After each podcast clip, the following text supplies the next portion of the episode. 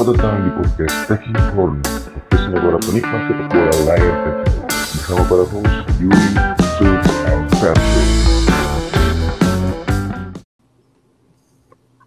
Oke, balik lagi bersama kita di Taking Corner Podcast bersama gue Patrick dan juga dua teman gue yaitu Yuri Halo, halo. dan juga Fritz Halo. Viral. Oke, m- eh, episode kali ini kita akan bahas eh, preview review sebentar soal game week IPL yang kelima ya. empat Eh, game week. empat Keempat, keempat, keempat. Review, review.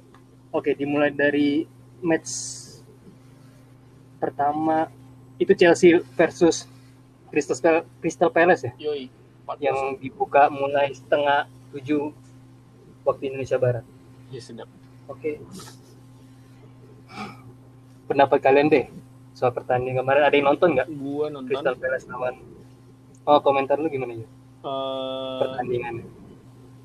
kemarin si Temi Abraham rebutan penalti kan ya? Di yang tendang Highlightnya langsung, highlightnya langsung rebutan penalti. tendang Iya sih, iya, iya, ada ada ada benar-benar. Tapi sebenarnya ini sih Itu apa kalau dari itu kalau boleh gue tambahin Yur, Ah.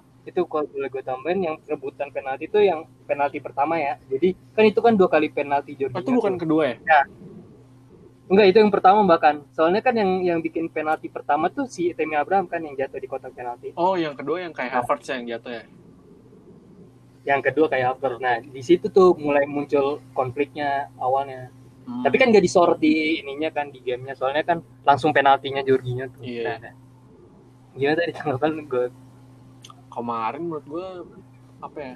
eh secara pemain-pemain barunya emang masih belum terlalu kelihatan klop sih.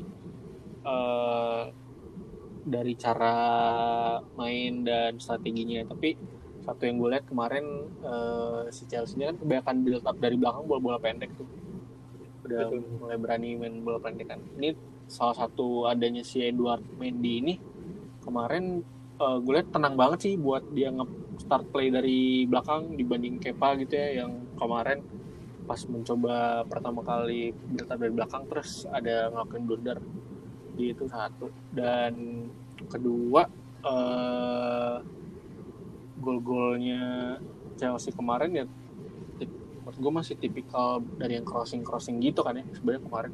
Terus yang gue bench Chilwell kan dari kanan ya awalnya Oh, terus yang bukan set play gitu ya maksud lu? oh ya? iya iya benar Oh, oke. terus ya kayaknya si Lampard juga masih mencari-cari sih eh, Mencari formula, ya. formula apa yang bagus buat skuadnya dia tim komposisi pemainnya kayak gimana yang cocok jadi menurut gue ya sebenarnya gue kemarin ekspektasinya adalah si Crystal Palace ini bakal merepotkan Chelsea, Chelsea, ya ya. Tahu Crystal Palace di game week pertama dia ngacak-ngacak MU kan tapi ternyata eh, dibi- nggak dibikin sama sekali nggak mencetak gol jadi ya fair play lah buat Chelsea kemarin Hmm. Oke, untuk next match berikutnya apa ya? Arsenal versus ini kali. ya? Sheffield Siapa? Sheffield United. Yang berakhir dengan skor 2-1. Wah, pertandingannya juga sengit sih di babak kedua menit-menit 70-an. Komentarnya atau Fritz? Kau bisa kasih komentar? Fred. Halo halo. Ditanya. Ya, apa? Ditanya. Lu pendapat. Pendapat lu. Pendapat. Kemarin kan Arsenal apa setelah game week Chelsea versus Crystal Hmm. Palace kan itu game Arsenal lawan Sheffield. Nah komentar lu tuh. Komentar soal gue pertandingan gue nggak terlalu nonton sih cuman oh lu terlalu nonton. Tapi lu nonton highlightnya kan kenapa? Tapi lu nonton highlightnya? Enggak. Wah. belum lihat. Ini nih gue lagi lihat nih. Kemarin tuh Arsenal Sheffield mainnya kan hari Minggu ya? Iya, eh malah hari Minggu ya. hari Gua Minggu. Eh, yang setelah Chelsea itu sebenarnya Everton lawan Brighton. Wah ya gua tuh. lupa. yang Everton Brighton ini sebenarnya seru sih. Dan gol-golnya mirip bukan mirip sih. Eh, skemanya hampir mirip apalagi gol yang James Rodriguez ya. Ah. Itu bener cutback semua dari kiri iya benar terus si James tinggal Muncul dari gitu kan. Masuk. Eh, tinggal dorong bola masuk. Terus yang hebat lagi si Iwobi itu Iwobi ini masuk ganti yang Richarlison Ah, dia bikin satu assist sama pre assist mainnya ya kipas lah ya. Ah. kunci passing Hmm. kalau kalau yang gue lihat gue lihat Everton mainnya ini, ini- berani ini ya mereka main-main bola-bola atas terus ya. Terus Calvert Lewinnya juga berani berani duel di atas gitu. Striker-striker yang pengen loncat. Golnya pertama dia kan yang iya yang sundulan. sundulan. Terus gol keduanya juga kan Everton sundulan kan? Oh iya si Yerimina iya ya, Yermina dari asisnya Hames. Iya buset Hames lagi berarti di highlight Hames dulu berarti udah bisa dibilang nih Hames nih pembelian terbaik terbaik menurut terbaik lah langsung udah langsung di, udah dibilang di game week awal-awal bahkan pembelian terbaik musim ini bisa dibilang Bisa. kali ya. Pad- Padahal kan game week masih banyak nih kita belum tahu juga sih.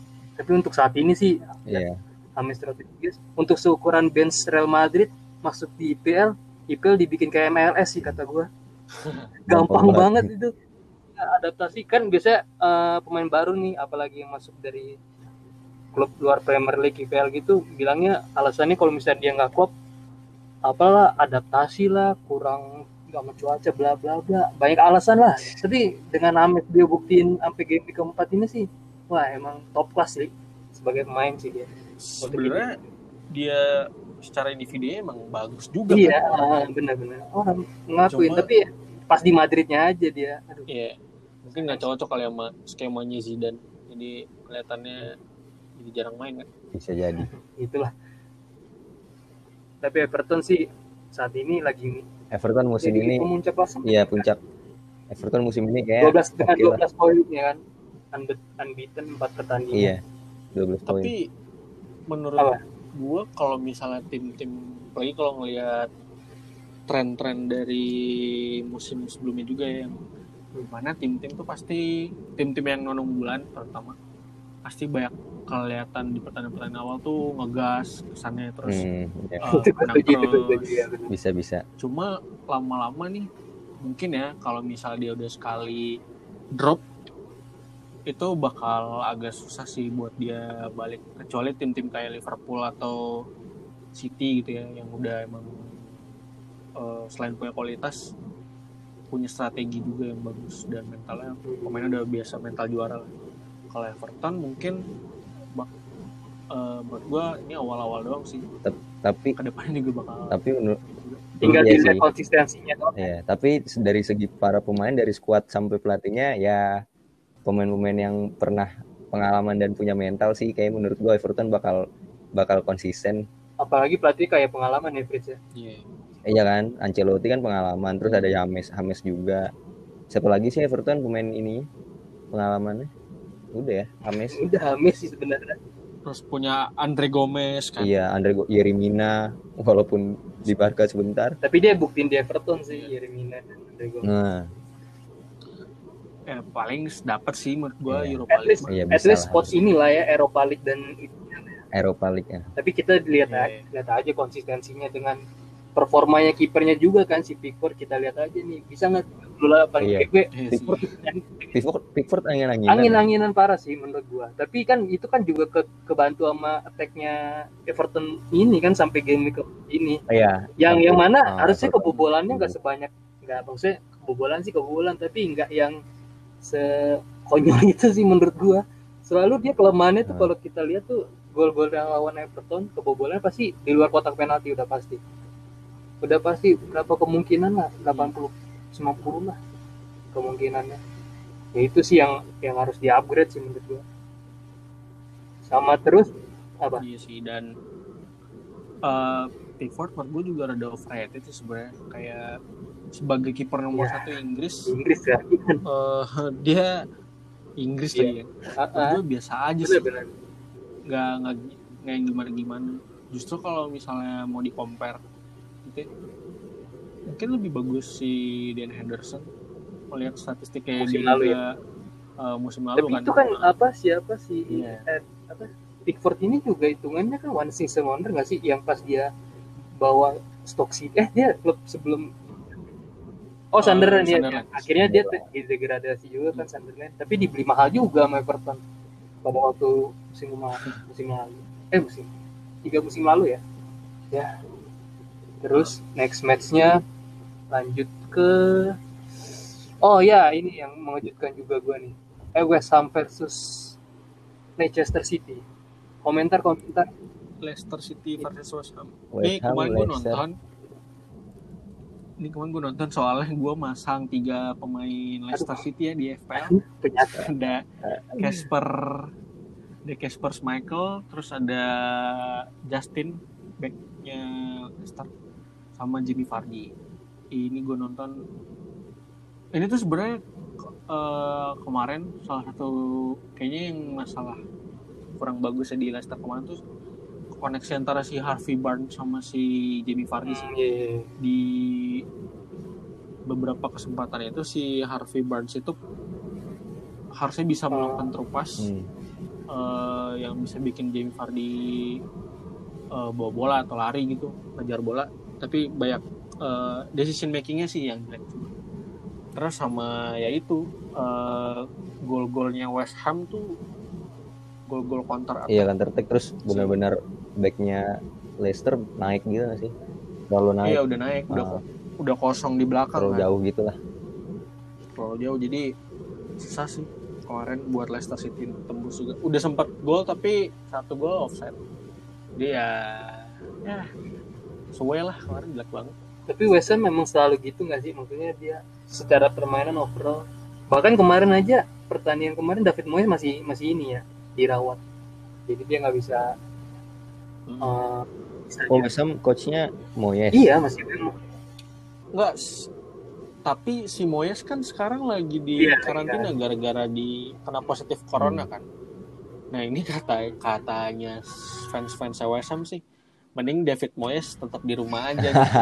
dia punya dia punya jokes kayak gitu yang peg Iya, yang pegang tetap yang sekarang aja soalnya semenjak yang pegang si caretakernya ini lebih bagus. Tapi- ini eh, dengan cara mainnya West Ham kayak gini sih gue rada ragu ya apa struggling di IPL ya menurut gue sih Hmm. apalagi dia mainnya kan wah itu kuras tenaga banget sih kata gua harus fokus defense rapat segala macam terus dia harus counter attack lari sana lari sini sih ya kemungkinan masih tetap papan bawah lah kata gua West Ham untuk musim ini Tapi ya dua match terakhir dia dia Iya clean sih. sheet. dan yang dikalah yang dikalahin tuh bukan yang tim kaleng-kaleng gitu kayak yang dia kalahin Wolverhampton 4-0 sama Iya, Le- Leicester. Leicester City 3-0. 3-0. iya sih bener juga Sadis sih. Eh, Hmm. terus masuk berikutnya the next game oh ini Leeds United versus Manchester City City. yang mana sering kan keduanya sama-sama komentar guys Kalau kalau liat nonton highlight kalau sih. nonton oh kalau Fritz lihat highlight ya boleh highlight. gimana tuh gimana gimana? Kalau dari gua gua ngelihat highlightnya sih si Leeds-nya banyak ini ya, maksudnya banyak bikin peluang gitu dan lebih banyak nyerang ke City juga. Jadi benar-benar main berani main terbuka lah lawan lawan klub klub-klub besar kayak waktu lawan Liverpool juga mereka main berani terbuka terus lawan City juga mereka lebih berani nyerang. Biasanya kan tim-tim yang lawan tim apa lawan klub-klub City, Liverpool gitu kan dominannya ya udah bertahan bertahan bertahan baru tunggu counter attack. Tapi gue lihat highlight sih ini kayaknya Leeds lebih ini lebih, kayak lebih berani buat keluar gitulah. Jangan jangan ngikutin permainannya City gitu nggak ngikutin ini permainan. untuk babak pertama atau babak kedua Fritz kalau gue tahu. Soalnya kan kalau menurut gue babak satu babak kedua sih beda ya. Beda ya? Cara permainan iya. Tahu deh kalau kalau lu Yur gimana ngeliatnya? Kalau gue nontonnya sebenarnya di babak Hmm. eh, kedua ke belakang. Yang golnya tuh sama-sama babak Oh enggak Gol gol Leeds babak kedua. ya. Rodrigo baru masuk babak kedua menit berapa? Iya. Eh, yang gara- gara-gara si siapa? Kipernya Ederson si Ederson salah salah nggak nggak nggak lengket. Yang gue mau komentarin tuh sebenarnya di eh, 25 sampai 25 menit terakhir sih. Yang di mana di match itu tuh kayak bolak-balik jual beli serang iya gitu benar benar benar terlalu direct sampai yang nonton tuh kayak ngerasa capek sendiri tau gak sih lihat si De Bruyne eh, bawa bola sendiri terus eh lari sana bolak-balik sini. Jadi kayak gue Capek yang lah. nonton kayak Iya, bener-bener, ya, capek setuju gitu sih. ah. Tapi mungkin yang Fritz bilang apa si Leeds berani main terbuka ya karena menurut gue ya karena filosofi biasa Bielsa juga sih. Iya. emang udah pakem lah ya Hmm. sama yang gue nggak ngira sih biasa masukin nomor tujuhnya siapa gitu pemain ngungil yang wah kerjanya lari dribbling dribbling ngerepotin inilah bagian kiri iya bagian kiri Mendy ya. itu kan pemainnya tiga game terakhir kan nggak pernah main nih setahu gua tiba-tiba main itu sih menarik sih kata gua biasa nih punya uh, beberapa weapon lah yang bakal bisa di, Iya. di itu dipasang di pertandingan-pertandingan ntar yang menarik Iya. sih emang selalu akan menarik lah ngeliat Leeds United dengan Marcelo Bielsa ini Hmm. Dan City juga struggle juga nggak sih karena nggak punya striker betul betul, murni betul. yang Iya. si Sterling juga punya kesempatan kan sebenarnya Iya. one on one. Cuma kelamaan. kalau lu lihat statsnya sih Yur uh, sebenarnya uh, City tuh punya attempt iya kalau possession posisi sama dia Iya kalau gitu. dia punya tim tuh 20-an lebih. Nah, sedangkan on targetnya cuma di bawah 5 bahkan 2 atau 3 gitu. targetnya dua. Oh, on targetnya 2 bahkan dong kan. Ya itu sih kelemahannya. Dia malah baru beli Ruben Dias kan yang kemarin baru debut kan. Not Hmm. bad lah menurut gua Iya, Ruben Dias langsung debut ya. sama Aymeric Laporte. Bahkan jumlah passing aja kalah loh City. Iya kalah ya City. Lima-. 500 bandingan. City 389, Leeds 429. Oh, 400. Gila sih Leeds nih. tapi cara mainnya Leeds sih emang kelihatan lah ya dari game 1 bahkan nggak- gua kira tuh eh, dengan lawan City nih yang sama-sama possession juga bakal ngerubah plannya si biasa ternyata nggak sama apa sama aja gitu bahkan yang keubah si Pep Guardiola dengan si Pepnya. Pepnya yang iya sih itu itu pertandingan juga ya Hmm. dibilang satu-satu wajar lah harusnya banyak gol sih menurut gua tapi emang Iya, banyak peluang tuh yang siapa Mendy salah kontrol belakang terus dicuri. Nah itu beberapa ya ada momen gitu Nah, ya benar-benar. Oh iya iya, iya. Bener-bener. Ter Banyak lah Leeds. Terus Leeds dia berani. situ Iya kayak cabut. kayak udahlah pasrah. Nggak mau ngejar gue. Kacau emang. Terus match berikutnya apa nih? Oh, MU Milan versus MU versus Tottenham. Wah ini sih viral lah ya. Bisa dibilang. Mulai komentar deh atas kemenangan Eh, Hotspur yang sedikit, aduh gimana ya? Sedikit gampang lah menurut gua. kalau gua tuh nonton dari babak pertama eh babak kedua cuma berapa menit terus Kenapa tuh? tidur. Oh, yang babak pertama ini ya gue nggak tahu ya ini udah jadi bukunya buku panduan bermain MU how to play MU way apa gimana bisa langsung Dapat penalti. dalam waktu 30 detik tuh gue nggak ngerti sih terus gol udah gue kira semen- semenjak saat itu bakal MU tuh main dengan nyaman gitu loh gue kira bakal kayak gitu. Nggak lama ternyata Spurs golin. iya. Blunder kan itu gol Eh, pertamanya. back back Iya, back backnya M ini dengan naturalnya melakukan kebodohan kebodohan yang kayak Maguire salah sundul, oh, terlalu pelan terus eh, rebutannya sama Luxio, Luxio ditarik ke bawah. Sama akhirnya si Dombele bisa golin terus kartu merah lagi si Martial dan Ya itu perlu ya. yang salah satu catatannya itu sebenarnya nggak perlu sih kalaupun si Martial merah harusnya si Lamela juga bisa Iya, merah. karena Ramela mulai duluan ya.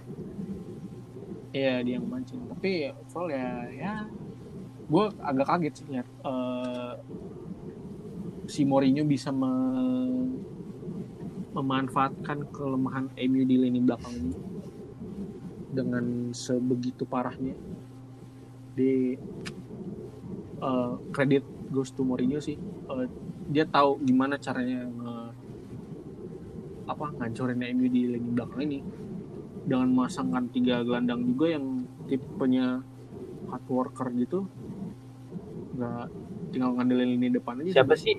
Dia dia punya Son sama dia punya tiga gelandang itu.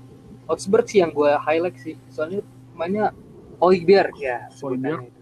Hmm. itu sih yang gue highlight permainannya eh, maksudnya dia cara ngelit satu lapangannya Hotspur sih menurut gue menarik sih dia dari dari Southampton kan dia klub sebelumnya Iya, dia tuh dulu eh Bayern Munchen juga kan. dia Dia peg- eh gua lupa posisi persisnya tapi gua tahu pas itu gelandang dan dia sempat di bawah Pep Guardiola. sistem lah si eh, si Pep Guardiola ini cukup eh, meret dia sebagai pemain yang gue sih ngeliatnya dia pas kasih passing ke Sergi Aurier loh. Itu indah banget sih Yang golnya Aurier iya. Itu itu passingnya itu Pogba-nya. Pogba-nya juga sampai kal apa keteteran sih bisa dibilang itu sistem bisa masuk dari tengah gitu gue sih. Ih. man of the match sih ya Højbjerg sih secara permainan ya. Tapi kan kalau untuk man of the match realnya kan Son ya? Kalau eh Kane atau siapa ya? Harry Kane atau Son lah nggak tahu dah. Oke dua itu ya. Iya. Antara dua itu untuk sih. Nah, untuk menurut gue sih Højbjerg sih gitu. Sama dua gol MU tuh siapa? Eh dua gol MU satu doang ya? Cuma penalti. Kan cuma penalti Bruno Fernandes. Ya hancur banget sih kemarin MU. Eh, nggak ada yang udah gitu sih Solskjaer juga nggak backup punya backup plan ya? game plan yang eh, game plan yang bagus gitu setelah dia kehilangan satu pemain. Tetap main terbuka apa mungkin ini kali ya? Kan eh, itu kartu merahnya di menit berapa ya? 20-an ya? Kan menurut gue sih dibiarin aja dulu gitu satu babak ntar baru halftime ganti strategi. Eh tiba-tiba udah kecolongan 4 gol aja. Iya nggak sih? Jadi kayak pusing juga dia mau Iya. ngapain. Serba salah lagi lagi pula gol-golnya sebenarnya semua. gol-gol Spurs ya. Itu kan dimulai dari kesalahan Pemain si back. MU kan. Yang gol ketiganya kan salah si Eric Bailly passing ke Patik padahal main Nah, udah di press. Sama pemain-pemain Spurs jadi ya kehilangan bola langsung Sama emang- aja. set playnya apa Hotspur nih emang emang cepet-cepet gitu pemainnya udah langsung ke depan semua nggak sih? Kayak gol keduanya yang Son deh yang dari Ken ngambil set play abis jatuh langsung umpan. Iya quick free quick free kick gitu. Oh iya. Dia Mourinho sih emang sistemnya udah langsung ke depan ke depan ke depan aja sih kemarin. Gampang lah jadi cepet robos sama emang koordinasi buruknya lini belakangnya ini. Belakang ini. Secara overall sih ya. Emang udah jelek lah pertandingan itu F, eh, Spursnya juga main bagus kali ya Spursnya ketolong gara-gara ya Iya. gimana ya? Ma- Manchester United Ya. juga gitu sih. Tapi keputusan wasit sih yang yang benar-benar nggak fair sih menurut gua. Itu yang itu yang rubah pertandingan juga akhirnya. itu salah satunya. Iya benar Oh. nggak bisa diganggu buat juga Benar. sih. Ya gimana? Mungkin punya opini masing-masing soal pertandingan kemarin dan fans MU Eh, terus next matchnya oh habis banget pertandingan MU sama Spurs nih jam 2 malamnya 2 subuhnya. Aston Villa versus Liverpool. Komentar komentar mari mari kita persembahkan match ini kepada the one and only Fritz. Baik, ya. tentang bagaimana berjalannya Waktu dan pertandingan tempat. Waktu dan tempat. Apa ya? nggak tahu lah gue no no comment comment ya no comment lah. Enggak, tapi lu ambil sudut sudut pandang lu deh soal sudut pandang gue ya. kemarin ya gimana? Kan kalau Iya. kalau mengecewakan ya pasti mengecewakan dong. Kita gak usah Ya, tanya lah. betul. tapi betul. yang lu lihat highlightnya deh.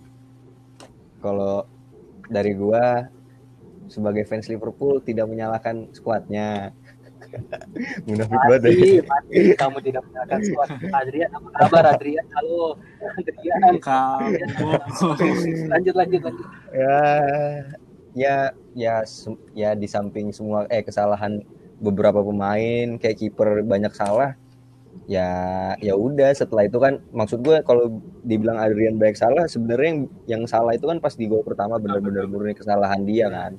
Ya udah habis gol pertama itu setelah itu apa? Gol-golnya emang salah Adrian juga? Enggak kan? Gitu. Cuman ya emang buruk aja kemarin tuh Liverpool main main lagi buruk dan Aston Villanya emang lagi bagus. Udah gitu sih menurut gue iya sih. Dan Liverpool benar-benar. sama kalau dari gue lihat ya perbandingan permainan Liverpool ketika yang gue ini banget sih yang gue apa ini banget ngelihat perbedaan banget tuh ketika Liverpool nyerang dengan Mane dan tanpa Mane sih. Itu doang itu kelihatan banget. Kelihatan banget jauh. Belum ada pemain pelapis Mane lah yang bisa main seperti Mane. Gitu. Penting banget berarti ya dia role-nya Iya, Mane penting sih. Soalnya tuh kalau kalau kalau kita nonton ya Mane tuh posisinya Mane tuh cum kayak apa ya? Pemain kiri. Jadi bukan satu posisi winger kiri. Kalau winger kan berarti di depan kiri gitu. Kalau Mane itu benar-benar pemain kiri. Jadi dia dari depan sampai belakang tuh tro- masuk semua. Jadi dia jemput bola, dia bawa ke depan, dia obrak-abrik baru passing. Nah, itu pemain-pemain model-model Mane nggak ada lagi sih pelapisnya selain selain Mane doang itu sih beda banget lah serangan Liverpool kacau sama ya yang gue lihat dari Aston Villa Emi Martineznya sih Gak ada siapa? obat Emi Emi Emi Emi Martinez. Martinez oh Emi Martinez uh, kirain siapa kiper ya kiper Iya. ya Iya. Ah, wah gokil sih itu emang dia banyak save ya Bagus. kemarin ya gue nggak Banyak. nonton. banyak save dan backnya Aston Villa juga banyak blok Oh, Hmm, benar-benar di blok jadi Iya, iya. koordinasi antar back dan padu lah ya orang terakhir kiper gitu bagus lah koordinasinya bagus gitu kalau lu Yur gimana tanggapan lu Ah, eh, gue kan nggak nonton, gue nonton di highlight ya. Yang pertama yang pasti terpikirkan di kepala gue ini adalah kok bisa Liverpool kebobolan pertanyaan 7 semua gol lawan iya. lawan ntar gue jawab ntar gue jawab bahkan Barcelona aja mentok cuma 4 yang musim lalu. Siapa sih Liverpool terakhir dibantai tuh kapan sih? Kayak udah lama 19 banget. 63 kali oh Kayaknya udah lama banget. Itu udah lama banget sih. Tapi yang gue lihat kemarin eh, kayaknya si Aston Villa ini abis dari Sugihan ya pemain-pemainnya. iya iya loh Pada ini banget. pemain Liverpool ngejar nggak dapet loh oh banget. ini Liverpool kejar nggak ada apa sumpah Wijnaldum tuh ngejar sampai angkat-angkat dada bet kagak dapet Bahkan seorang Ross Hmm. Barkley yang baru terus Barkley kemarin juga tuh golin. nggak ada obat sebenarnya Easy. iya Kayak dengan Terus belajar. ya yang gol-golnya Aston Villa itu juga Nah, sebenarnya iya, mengeksploitasi betul. kelemahannya Liverpool yaitu di back kanannya dari sisi kanannya Liverpool Hmm, kan. Arnold Si Alexander Arnold itu kayak terlalu banyak diberikan keluasan maju dan kebetulan si Joe Gomeznya ini juga kayaknya kurang kurang siap Ngehandle. gitu buat ngehandle itu semua sendiri. Ah, dan Fabinho aja gue lihat di highlightnya kayak mainnya juga Iya. kayak biasanya Ah, yang bi- yang waktu gue Chelsea, nonton ah. lawan Chelsea aja yang berarti Iya. tackle tackle Warner kan kemarin turun banget terus ya golnya juga ada yang deflect dua kali yang Iya. udah mati langka gol flag Pak. Eh, bukan emang hari bukan- Liverpool bukan harinya Liverpool juga sih dan Aston Villa juga emang patut Iya. diacungi jempol juga Hmm. sebenarnya sih kalau Betul. kalian mikir Aston Villa ya sebenarnya dengan dia nunjukin kemarin tanding lawan Liverpool itu kan juga nunjukin kesiapannya dari game week satu nggak sih yang mereka unbeaten juga sampai saat ini loh bahkan dia posisi dua nggak sih cuma iya posisi dua dengan baru main tiga iya, kali kalah match doang bahkan dengan ngumpulin 9 poin ya Hmm. bagus lah Iya. mereka berarti mungkin si Aston Villa eh, kalau digabung Hmm. sama dari musim sebelumnya ya, sampai saat ini mereka tujuh pertandingan buset unbeaten superior banget dari Gok. akhir musim lalu sampai sekarang. Kayaknya emang secara sistemnya juga udah mulai pangkap mungkin dan si Oli Watkins Out- dari. Brentford ya. tiba-tiba tiga gol gue juga nggak tahu sih Iya. itu pemain Oli Watkins tapi ada yang pasang di FPL loh Oli Watkins itu gue juga heran kayak Brentford deh iya dari dari Iya, dan dari Dia PL dua bagus deh. sih kemarin ya gitu deh punya kecepatan. Iya. Ya, tapi menurut gua gara-gara gara-gara Iya, juga belakang dia Barkley sama Grealish sih emang iya ya? Wah. maksudnya yang ngendalin Barkley Barkley gacor banget mainnya tapi Grealish juga kan iya kan tiga assist dengan dua gol tiga ya. assist dia iya kan dia main posisi Arnold kan yang sering maju oh di sayap jadi kayak iya di Oh, iya. empat dua tiga satu kan Aston Villa. Hmm. Gitu. Ngeliat Aston Villa dengan kayak gini ya lebih kaget sih ketimbang ke- apa lebih kaget ngeliat kondisi Aston Villa yang ngebantai ke- daripada kalah kekalahnya Liverpool. Soalnya kan Aston Villa bener-bener dari juru kunci ya bisa dibilang musim lalu tiba-tiba Iya, ham- iya, iya hampir hampir musim degradasi. permainan degradasi. dengan jadi. permainan musim ini ditunjukin terus ngalahin eh ngebantai bahkan bukan ngalahin lagi itu udah di level yang berbeda ngalahin dan ngebantai ya gitu deh tapi game secara keseluruhan game keempat ini banyak gol ya bisa dibilang ya pertandingan pertandingannya lebih dari satu Eh, ya iya. jadi yang seri juga berapa doang Empat. satu dua game Seri cuman Seri cuma ada. satu Iya. kan, City, Nggak ada. Oh cuma Leeds doang. selebihnya City sama dua Leeds ya? gol bersarang tiga gol tiga dua gol ya sampai tujuh enam gol bahkan ya Hmm. kejutan lah tinggal kita lihat game kelima gimana masih Iya. mengejutkan atau enggak oke selanjutnya kita akan lanjut ke segmen kedua itu segmen soal pendapat dan masing-masing cerita kita soal FPL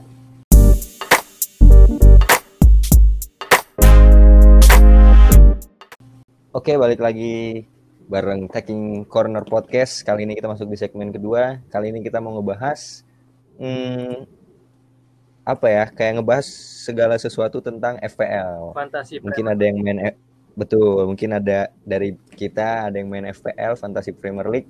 Jadi kita bahas segala sesuatunya di sini bagaimana lu nentuin pemainnya gitu-gitulah. Oke, langsung nih. Lu berdua main FPL kan? Yuri Pat Patrick. Yoi. Eh, Oh iya, gue juga main FPL. Berapa next kalau Sama- kita kita runut nih Ada kita main FPL kita. udah lama kan sebenarnya bikin liga Oh iya udah dari lama. SMA bahkan. Cuman eh iya nggak sih cuman yang stay Iya. yang stay fokus Iya. sampai akhir lu berdua doang. Leng, kalau kata orang Jamaika bener-bener nggak salah Nggak tahu. Oke lanjut. Jadi lu kalau nih gue mau nanya nih ke kalian berdua nih. Kan kalau main di FPL lu nentuin tim lu, nentuin pemain-pemain lu tuh berdasarkan apa? Ketika game week 1 belum dimulai ya. Hmm. Pas game week 1 belum dimulai. Maksudnya kan kalau game week 1 udah mulai udah ada lu bisa ngeliat kan nih pemain kayak gimana. Tapi kalau misalnya pas dari awal game week satunya Hmm. belum ada main, lu cara nentuin pemain itu gimana lu ngelihatnya? Ini siapa dulu yang jawab Bebas. Silakan siapa yang mau jawab duluan? Gua ya Oh, boleh. untuk nentuin pemainnya sendiri bahkan sebelum game satu ya.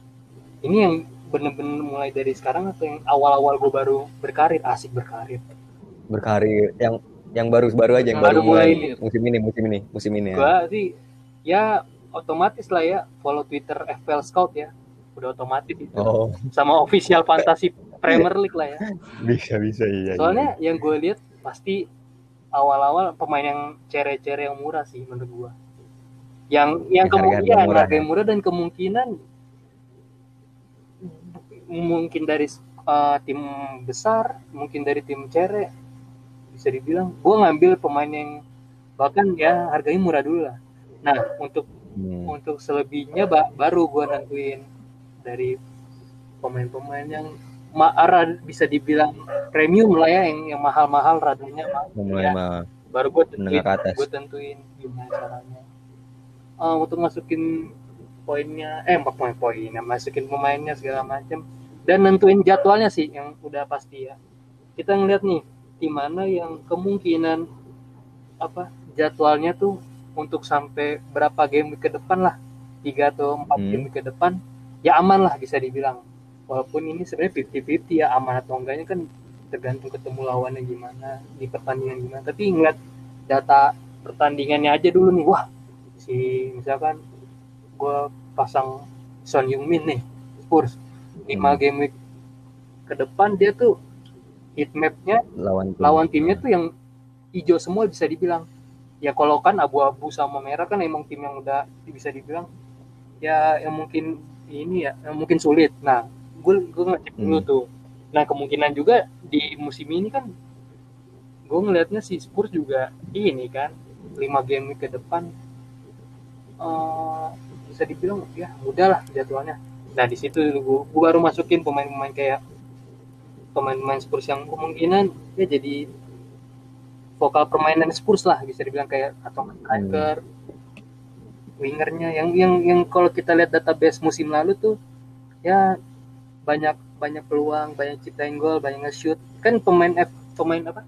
Pemain FPL tuh ngeliat pem- pemainnya value-nya tuh dari dia cara ngegolin atau bikin create create chance-nya kan. Maksudnya dia kalaupun Hmm, ya. Eh, kita ngeliat nih pemain ini sering banyak nge-shoot. Nah, itu kemungkinan ngasilin golin kan ada dong.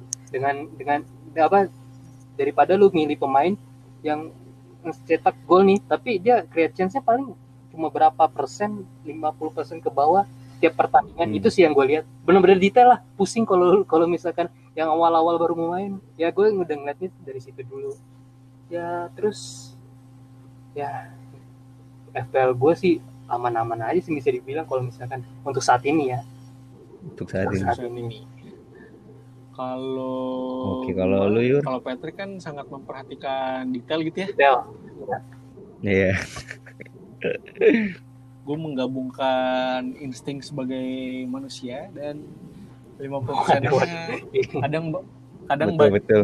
kadang Setuju nih gue baca-baca nih. juga sambil cari uh, info gitulah kita cari based on data kalau gua uh, Hmm. kemarin kan pilih pemain untuk game week pertama uh, faktor yang gue lihat itu uh, biasanya pertama dari uh, musim lalunya dia gimana Hmm.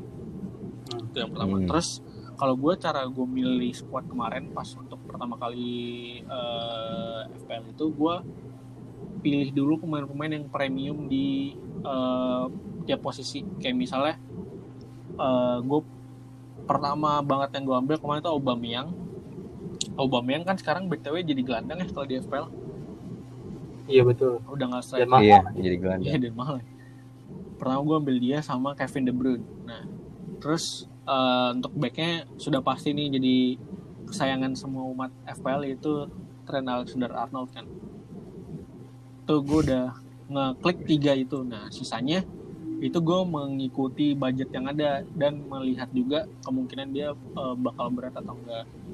Kira kemarin itu gue eh, kayak kayak kiper deh misalnya awalnya tuh gue pilih McCarthy karena selain dia murah performa dia kan dari musim lalu sebenarnya bagus Hmm. untuk eh, dengan harga segitulah karena gue buat kiper gue males sih spend banyak banyak buat kayak misalnya ambil Alisson kayak gitu Hmm. satu terus eh, Iya.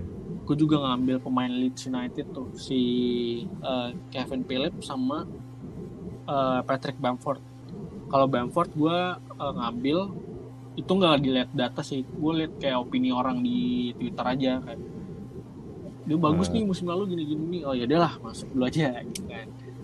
Terus kalau Calvin Phillips itu gue pilih karena eh, dia kan di- baru dipanggil timnas ya, timnas Inggris terus gue ya milih berdasarkan itu aja sih berarti dia nih menarik nih buat dipilih aset Hmm. kira terbukti kan dia satu asis kemarin pas lawan Liverpool dengan pertama dan sisanya ya gitu sih eh, based on insting sama ya lihat-lihat di Twitter atau dulu gue ada ngikutin satu channel di YouTube namanya FPL FYI itu dulu eh, produksi asli dari Premier League konten Premier League cuma sekarang udah nggak ada ya gitu sih baca-baca Tapi sedikit gue Oke. menambah ini eh, soal Apa tuh? Squad di FPL sendiri ya.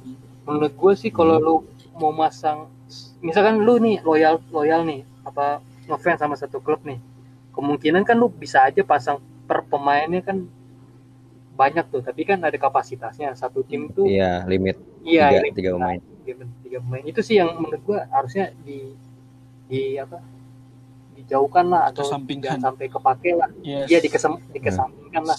Jangan sampai lu dengan main FPL ini sebenarnya kan permainannya kan gimana ya? Nggak yang lu lihat secara langsung bisa aja yang yang pemainnya sebenarnya buruk secara permainan tapi dia ngasilin dulang poin juga sih menurut gua.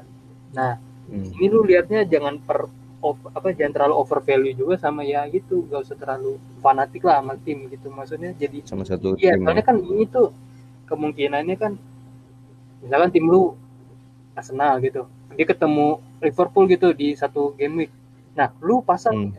sedangkan lu kemarin-kemarin udah pasang tiga pemain Arsenal. Nah, di situ lu pasti bingung tuh ngerombak buat gantiin pemain-pemainnya lagi yang Hmm. apalagi yang di cadangan mungkin pemain-pemain yang murah atau enggak yang ya bisa dibilang lu pemainnya yang asal ngambil aja asal comot gitu gak yang yang nggak Hmm. bisa masuk buat squad itu sih yang bakal bikin ribet lu menurut gua kalau lu pasang Kalau eh tiga nyambungin dari omongannya Patrick kan berarti ada istilahnya kayak subjektivitas kan dalam memilih pemain kan. nah iya betul Kayak misalnya lu Iya. fans Liverpool lu eh, ngambilnya ngambil eh jangan Lebih jadi banyak Liverpool deh. gitu. Kalau Liverpool tuh soalnya menurut gue return value-nya lumayan. Kayak misalnya kayak Arsenal deh paling gampang. Eh, misalnya lu pilih Aubameyang terus eh, kayak gue ngambil Gabriel sama Willian misalnya. Itu kan berarti eh, cukup subjektif ya.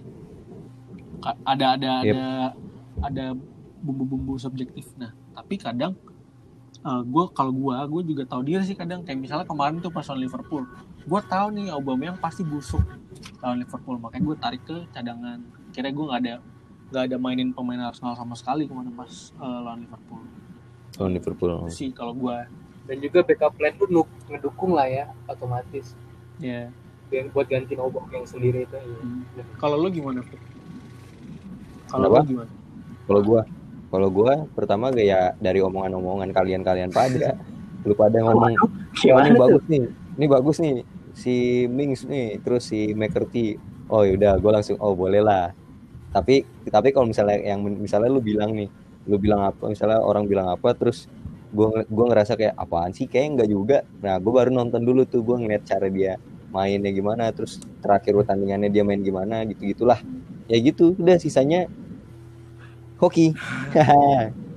kasih tau dong. Tapi gue asal asal gua balik asal lagi sih gue gue balik lagi deh sama yang cara pemilihan squad. Menurut gue gue tuh riskan banget untuk memulai game week satu tuh dengan pemain dari klub promosi kayak Leeds. Kan sebelumnya kita nggak tahu nih nggak game tahu satu cara mainnya Leeds nggak tahu cara mainnya WBA nggak tahu cara mainnya siapa lagi ya itulah tim, tim promosi. Fulham bahkan itu kan sebenarnya mm, apa ngeri ngeri sedap nggak sih mengambil pemain yang belum iya pemain baru. nggak kelihatan. belum teruji bahkan bisa dibilang. Nah itu tuh yang gua yang gua ini juga hindarkan sih. Pasang dari game week satu tuh. Kayak gua tuh nggak pasang nggak mas nggak pasang siapa nih? Rui. Helder Costa. Gua nggak pasang sampai game week ini. Baru baru gua ngeliat tiga game week baru gua pasang. Soalnya kan saat game week satu dua tiga kan ya masa iya. Gua kan udah nyiapin dari sebelum game satu jadi gua udah siapin toh nih pemain dari sebelum game satu. Pas gua ngeliat mainnya kayak pemain-pemain Leeds United main-main bahkan Mitrovic itu wah gokil sih. Banyak banyak inilah hidden games lah di tim promosi. Kalau gue kemarin liatnya pas eh, Helder Costa ya namanya. Si betul. Helder Costa ini gue mulai tertarik dia semenjak eh, pas lawan Liverpool sih sebenarnya dari game Liverpool ah. Dari game week satu Ah. bahkan ya langsung lu rombak berarti Oh iya, jadi si Calvin Phillips gue rotasi, eh bukan gue rotasi, gue tuker, gue jual, gue ambil si Calvin, eh Helder Costa gitu. Untuk strikernya tetap ambil si, tetap eh, maintain si Patrick Bamford. Terus eh, di game week masuk keempat ini, gue mencoba salah satu teknik wildcard, di mana itu kita bisa Tidak berhasil. transfer dan tidak berhasil. Soalnya salah satu alasan gue ngambil wildcard selain kalah di league sama kalian semua, gue kan peringkat terakhir tuh kemarin. Terus gue juga melihat uh, squad gue tuh rada ini sih ya. Rada eh ini rada miring lah. Gue tuh lupa kemarin siapa aja. Tapi yang pasti gue mencoba kemarin mulai ngeliat sih kayak misalnya eh wah ini kayak bakal mantep nih. Soalnya lagi mantep juga kan. Lagi bagus gitu si Calvert Lewin. Akhirnya gue ambil dan gue langsung triple captain padahal tidak salah. Keputusan yang salah. jadi gitu mungkin karena ini kali ya. Banyak keputusan yang berdasarkan insting jadi nggak iya. nggak works. Eh, tapi nggak tahu sih. Gue Nah, juga kadang kebanyakan insting Ah. sih main insting doang. Kita bisa lihat lah dari teman kita yang satu ini ya yang tidak ngulik sana sini yang bahkan naruh pemain lupa ngebensin yang yang mana tiba-tiba covid nggak diganti. Ulang poin dulu kanenya tiba-tiba itu itu sih out of nowhere itulah keajaiban para Keajaiban FPL, dunia. FPL mania lah. Tapi di minggu ini kan isunya padahal si Hmm. pemain boyband kita ini Hang Min Son ini kan Aduh, Iya lu. cedera. Gue udah memasang dia kurang aja. gimana tuh? Digo digocek sama Mourinho. menurut teman-teman yang memasang dan tidak tapi ini tuh kejadian nggak satu dua kali nggak sih? Yang kalau menurut kalau selama gue bermain ini tuh udah aduh ini tuh menyakitkan lah. Penyakit pemain pemain pemain para FPL FPL para para FPL mania itu pasti pernah ngerasain kayak gitu. Jadi gue sih orangnya yang ngeliat konferensi persnya tim-tim sebelumnya kan yang di hari Jumat Hmm. kan biasanya Hmm. mereka main hari Sabtu, Sabtu Minggu. Nah, ah. konferensi persnya hari Jumat mungkin siang atau sorenya nah gue lihat di situ tuh konferensi persnya gimana gimana gue sih sampai setelah itu sih walaupun gak seberapa banyak tim ataupun ngeliat-ngeliat data data-datanya yang bakal misalkan yang kemarin tiba-tiba cedera nah untuk kejadian yang Wilson sendiri tuh sebenarnya Hamin berapa jam sebelum ditutup deadline-nya jam 6 ya Hmm. jam 6.30 tuh itu tuh statusnya masih kuning loh bahkan gue lihat di ininya. Iya. dan Tanda juga, seru kuning dan, gitu juga, kan. iya, dan juga nih kalau mau lihat statistiknya benar-benar bentar mana dia tuh di sel berapa persen orang gitu? Iya iya iya. yang Minson ini. Benar-benar. Gue lihat dia dia masuk lima lima besar top transfer out this week. Karena bakal Itu- orang pada tahu Nah, pada cedera ya.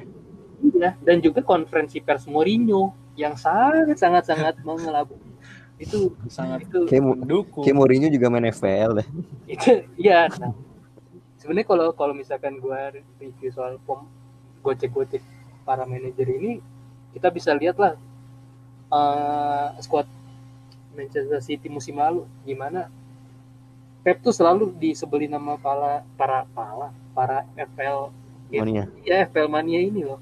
Iya, dia iya. bisa aja ngerotasi pemain yang bahkan kemarin hat trick Iya, nggak ada nggak ada logis logisnya itu itu itu sih yang mungkin mau maunya ya. sebenarnya iya semuanya jadi dia kayak tahu nih wah ini lagi pada masang ini nih Lagi pada masang ini. nih. Iya, pelatih-pelatih tuh main FPL. ya. iya Iya, itu tuh sebenarnya semua pemain fantasi bahkan apa pun olahraga pasti ngerti kalau pemainnya itu apa value itu gede banget tapi dengan cara dengan cara kayak gini bikin sakit hati sih menurut gua gimana Fred kalau lo yang kemarin eh, season Apa? lo pak ada Son juga kan Son. awalnya Iya, enggak gue pas pas dari game week 1 sampai game week 3 Oh. kemarin kan game week 4 kan. Oh. Ya, pas game week 3 gue gua gak masang Son. Nah, pas gue mau game week 4 gue mau mainin Son kan. Pas gue mau ganti ke Son, lah ada tanda itu pering apa? kuning ah, not iya di notif gitu kan. Nggak kemungkinan besar nggak main. Oh ya udah gue nggak jadi masang lah. Gue masangnya malah Zaha. aduh Begitu. tapi iya sih banyak banyak miracle lah kalau gue kemarin eh me- ini sih mengutip bukan mengutip melakukan apa yang Patrick eh, bilang di grup eh, kita kita nih Patrick Hmm. tuh bilang kalau misalnya lu kalau mau eh, ganti pemain ya setidaknya lihat-lihat press conference atau dekat-dekat deadline aja kan biar tahu Ya. ini yang gue lakukan ke Jamie Vardy sih kemarin soalnya Jamie Vardy kan kemarin tuh cedera ya statusnya iya benar Dia nongol. gue Ini hat trick gak sih sebelumnya? ah ya sebelumnya hat trick yang lawan City kan Hmm. terus gue lihat ini sih sebelum benar-benar memfinalisasi squad gue lihat Premier League table injuries jadi di situ dibi- dibilang eh, si Vardy ini udah clear to play lah udah bisa main. Ini salah satu eh, senjata juga Premier League injury table itu sih. Kita bisa lihat siapa aja yang injury. Ya tapi ya balik lagi ke pelatih tiba-tiba ada Saitoni Rajim merasuki dia kan. Tiba-tiba Minson main. Nih ya benar sih kayak Patrick tadi bilang sih yang kayak Man City musim lalu kan banyak yang benci kan gara-gara Hmm. Pep Guardiola sih lebih tepatnya ah Manchester City sih enggak Sterling lagi hat trick minggu depan tiba-tiba cadangan ya, kayak gitu-gitu sih Males.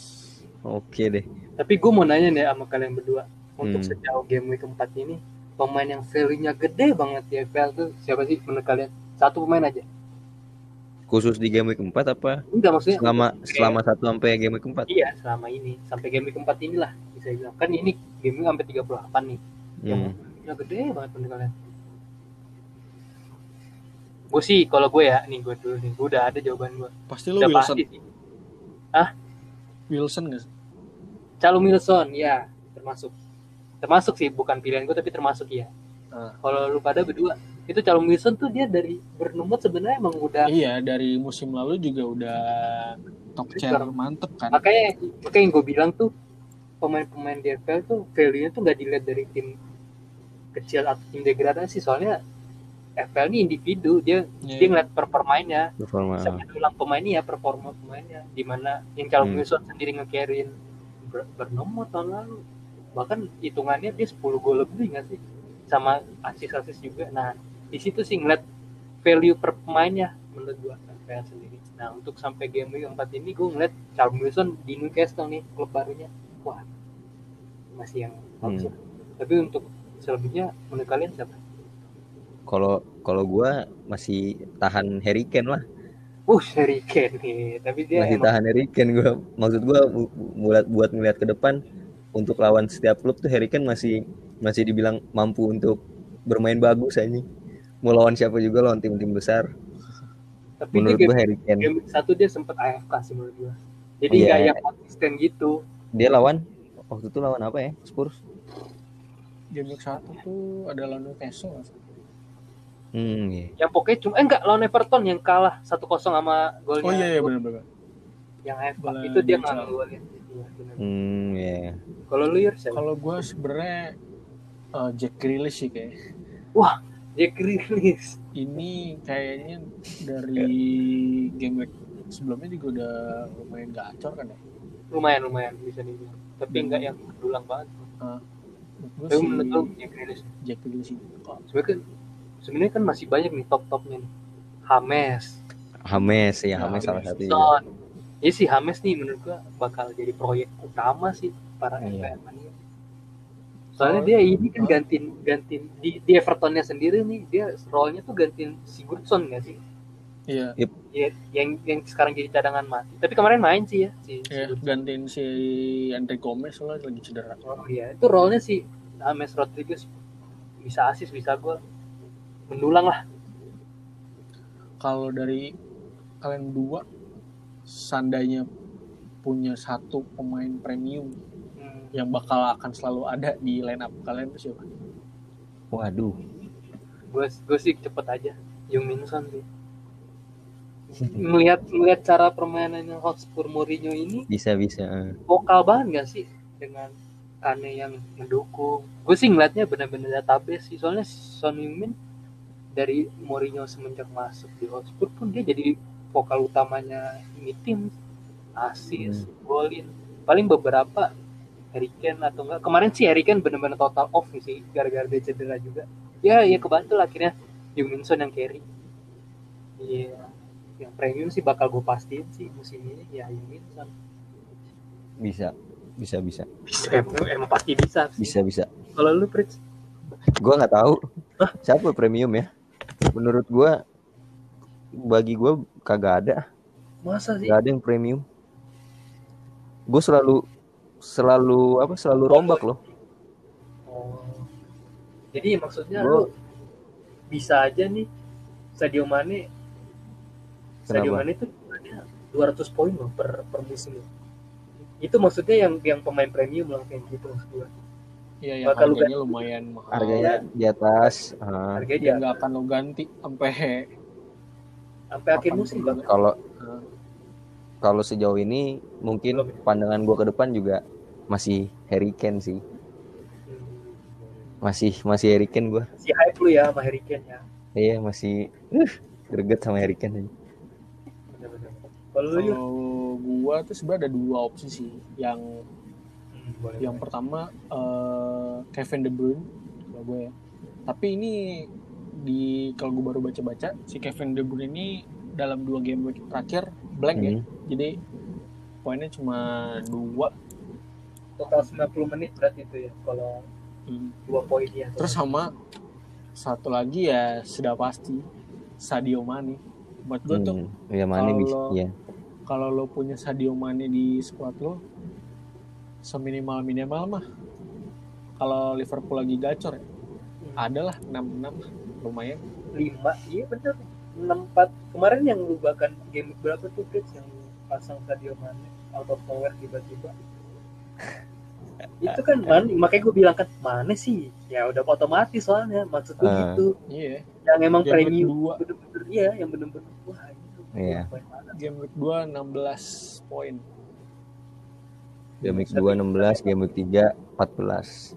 tapi kalau gue rangkum nih selama apa jawaban kalian-kalian ini nih, ya bener pemain attack sih yang harus bakal kalian pertahanin soalnya nggak mungkin back soalnya back kemungkinannya besar kecil poin gara-gara sheet dan juga Hmm. kiper gelandang sih udah pasti gelandang gelandang tuh gelandang dan st- striker gelandang attack lah ya atau nggak winger Iya. Hmm. semacam itu sih udah pasti lah kalian tuh nggak bakal bisa ganti lah Ah, ini nih ada satu pertanyaan lagi. Nah, ini kan kita lagi bakal international break nih. Yup. Dan bakal lanjut lagi Liga Inggris Tanggal 10. depan. Ah. Iya. Dari eh, kacamata kalian, kalian. Siapa pemain yang kalian incar nih bakal kalian tambahin di FPL. eh, di FPL kalian? Kalau gua ya udah boleh, Pet.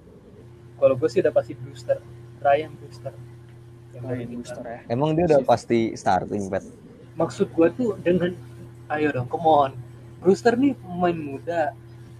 Dia skill individu ada. Sedangkan kita lihat nih striker strikernya si United ini kelemahannya satu nggak bisa apa ya?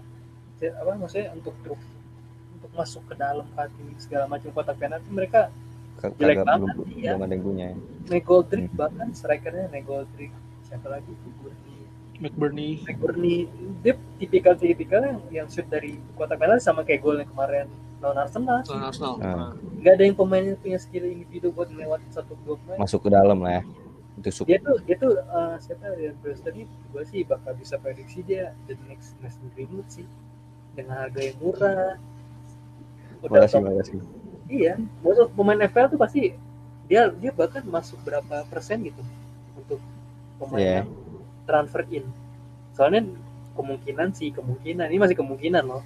Bukan Hmm. juga bukan bagian dari Sheffield Unitednya ya. Tapi ngeliat ngeliat ngeliat aroma aromanya nih. Bisa lah Ryan Brewster. Ryan Booster ya. dengan, dengan pakemnya 352 si siapa? Sheffield United sih masuk sih. Posisi striker kalau lo Apa? ada yang ada yang ngeliat-liat lo incar bakal masuk gak? Gua. Ah. Kalau dari gua bentar, gua lihat dulu pemain-pemain siapa ya. Ini sih gua eh yang gue incer tuh satu Regilen, Regilen sama Hames. Eh, Hames tuh kayaknya bakal buat beberapa game week. Mendulang bakal mendulang. Tapi masalahnya ngerinya abis internasional lawannya Liverpool. Lawan Liverpool ya. Iya. benar-benar. gue tadinya masang dua Hames sama Calvert Lewin. Ah, jadi tapi ketemu. Iya ketemu. Akhirnya gue buang Calvert Lewin dulu. Pasang Hames bisa loh itu mendulang dua pemain kalau misalkan Liverpool gacor takutnya masalah. Everton yang kalah gimana? Nah itu itu kan kemungkinan yang Ya ada. Kan? makanya kita main aman tapi gue penasaran 50-50 spotnya maksudnya kalau Kenapa masukin kan tadi pertanyaan ini yang siapa yang habis international break yang gue masukin.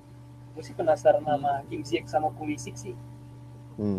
udah bakal main ya? Nah Pulisic setelah bak- bakal bakal International main sih menurut gue ya. Pulisic kemarin main kan sap ya? Sap apa gimana tuh? Ya lari-lari jogging lah. Bisa Oh. buat lari-lari kecil. Iya cuma buat ini tim Iya.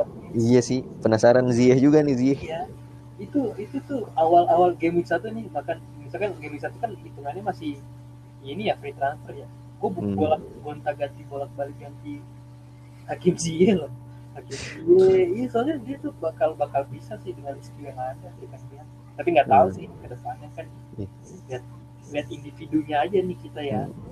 Nggak tahu di timnya kalau Iya. gua tertarik eh, yang kayak gue ngomongin kalau sih pemain Brighton Eh, either si Maupai atau eh, March. Ya March ya namanya, yang nomor 20 orang Australia. Soalnya kemarin kalau gua nonton gitu ya pas lawan MU eh, tuh kan tiang lima kali tuh si Brighton hmm. sampai gagal menang. Terus kemarin lawan Everton eh, kayaknya sih ini dua orang ini punya peluang dapat poin banyak konsisten gitu ya. Nah, dapat poin banyak atau uh, konsisten. Meskipun hasilnya sejauh ini Brighton nggak bagus-bagus banget gitu ya peringkat 15 di atasnya MU sih. Tapi tetap aja sih masih. gue ini Iya. meskipun mereka kan mereka kayak konsepnya eh, kalaupun kebobolan banyak mereka juga bisa harus bisa golin sebanyak itu juga gitu. Maksudnya masih bisa mau ngejar. Iya. jadi ya kayak opsi yang menarik Iya. Kalau apalagi mereka Hmm. eh, sorry lawan Chelsea kan 2-3 lawan oh, Everton tiga satu tiga oh, satu. 3-1 ya lawan Everton 4-2 lawan MU 2-3 ya buat tim yang sebenarnya startnya dari papan bawah menurut gue oke sih Brad Hmm. lu gimana Fred tadi Kalau gue ini sama satu lagi, gue masukin Emi Martinez gara-gara harganya harganya masih murah dan main bagus dan ya ya walaupun kiper maksudnya kan bener kan kata lu pada kiper mah nggak nggak usah yang yang mahal-mahal karena main main bagus sampai 90 poinnya juga mentok di dua ya ya kan? Kayak ya udah akhirnya gue langsung ganti kiper tuh. Gue ganti kiper. Gue masukin Emi kayaknya nih. Soalnya emang MU itu pilihan menarik. Itu sih maksudnya ukuran kiper yang Iya. prediksi sebenarnya nggak usah dulu sih Iya. tapi si MU ini besok lawan Leicester Iya lawan Leicester. bisa bisa ketemu Jamie Vardy cuma ya Kita lihat saja nanti international break. nothing International break ini ya. Ada pertandingan apa nah ada si friendly friendly doang ya? Apa lanjutin Ada friendly. Nation League? Nation League sama ini ada merebutkan empat posisi terakhir di Euro 2021 21. nanti Oh, Ah, bakal ada kualifikasi salah satunya tuh Iceland deh kalau nggak salah Terus Islandia. merebutkan satu posisi